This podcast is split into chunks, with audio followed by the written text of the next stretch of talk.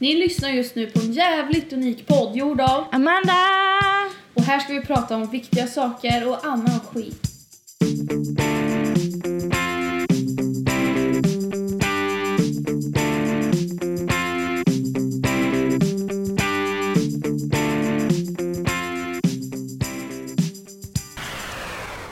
— 22 000 sexualbrott polisanmäldes under 2017.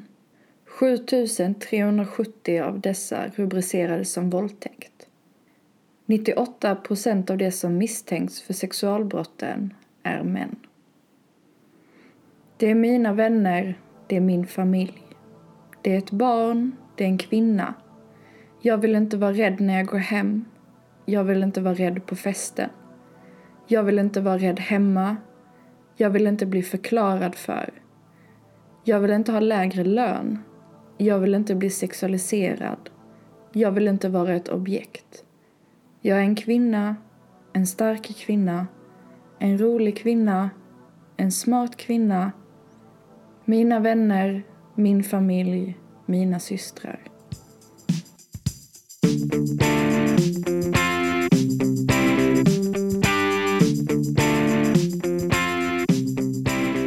Idag är det internationella kvinnodagen. Det är den 8 mars. Det var den socialistiska kvinnokonferensen i Köpenhamn 1910 som instiftade en dag till stöd för kvinnlig rösträtt. Det var under ledningen av den tyska feministen Clara. I den här podden pratar vi om viktiga saker och vi kvinnor utsätts för så mycket skit.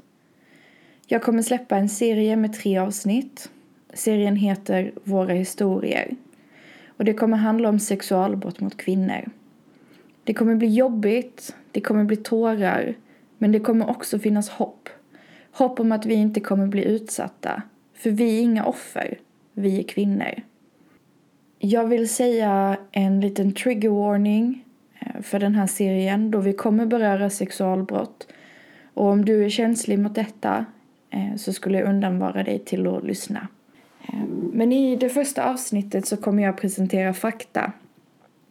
Fakta som bevisar att sexualbrott mot kvinnor ökar och att det är främst män som är gärningspersonerna.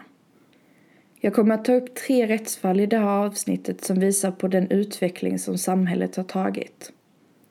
I andra och tredje avsnittet lämnar jag över podden till kvinnor som får dela med sig av sina händelser. Det kommer bli jobbigt men vi behöver höra det Världen behöver höra vad som sker. Vi måste ha en förändring.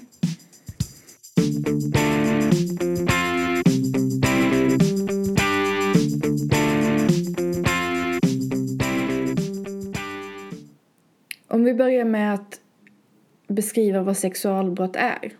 Det är när en person utsätts för en sexuell handling mot sin vilja eller om den utsatta är under 15 år.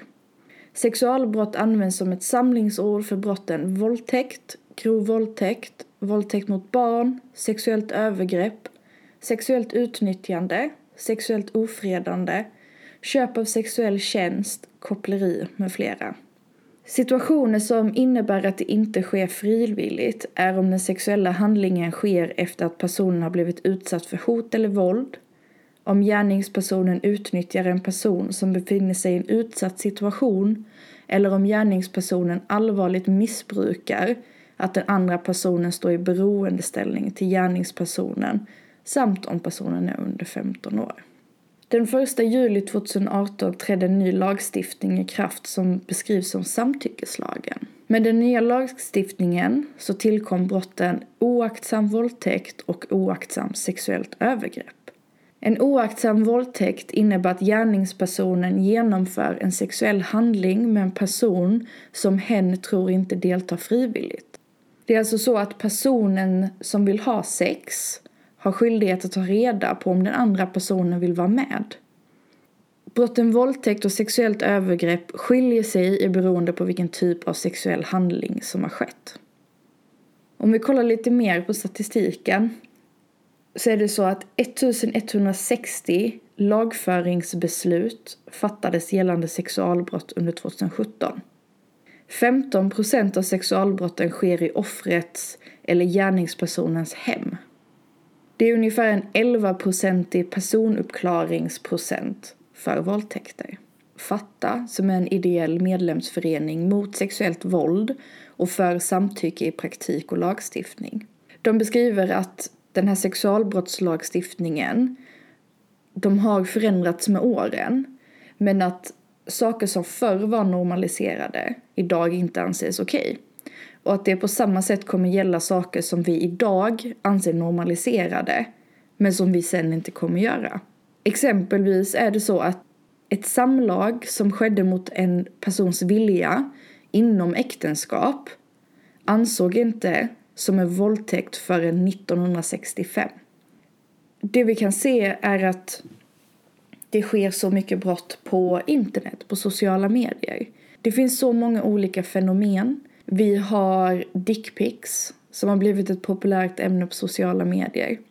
Och det är faktiskt så att det är personer som har dömts för sexuellt ofredande då de har skickat så kallade dickpics via sociala medier. Eh, så det är ett brott. Men vi i samhället, vi normaliserar det på något sätt. Att vi, folk får bilder skickade till sig men vi anmäler inte det. Men det är ett brott. Och det ska inte anses som att det är någonting man kan göra. Vad är syftet med att skicka bild på ditt könsorgan till en kvinna eller man? Det är ju så ofattbart att detta är liksom en... Att det har blivit så normalt i samhället. Vi har även det här med hämndporr. Och det är så att 90% av de som blir utsatta för hämndporr är kvinnor.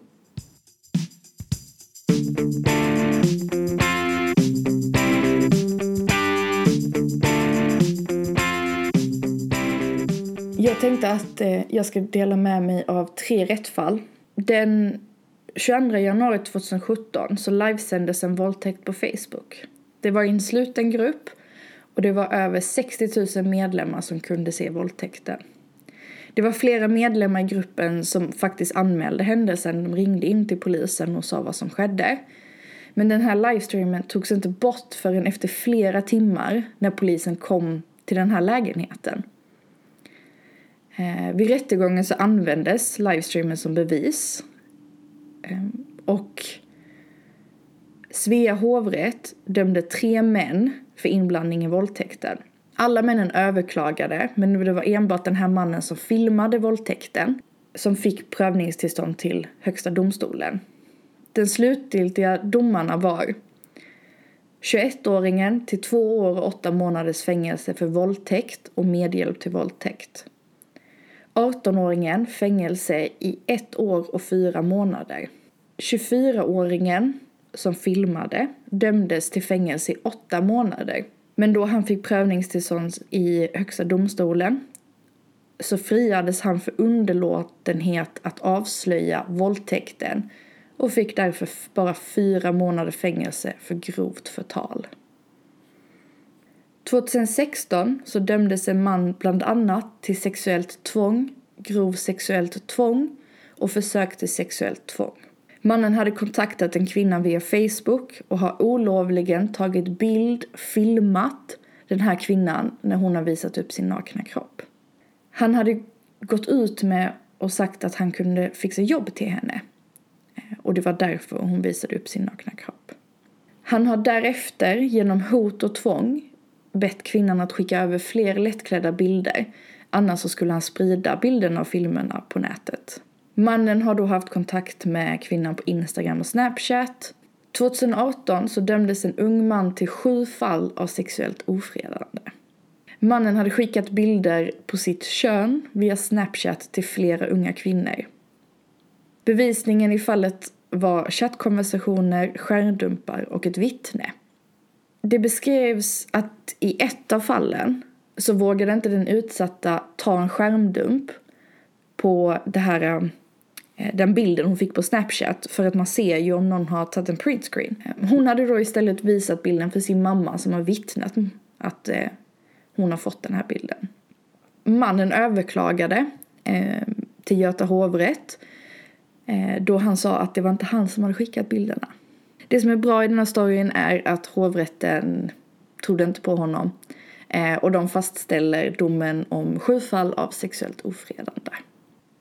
Faktan som är presenterad i det här avsnittet är hämtad från Brottsförebyggande rådet, polisens hemsida, artiklar och rättsfall.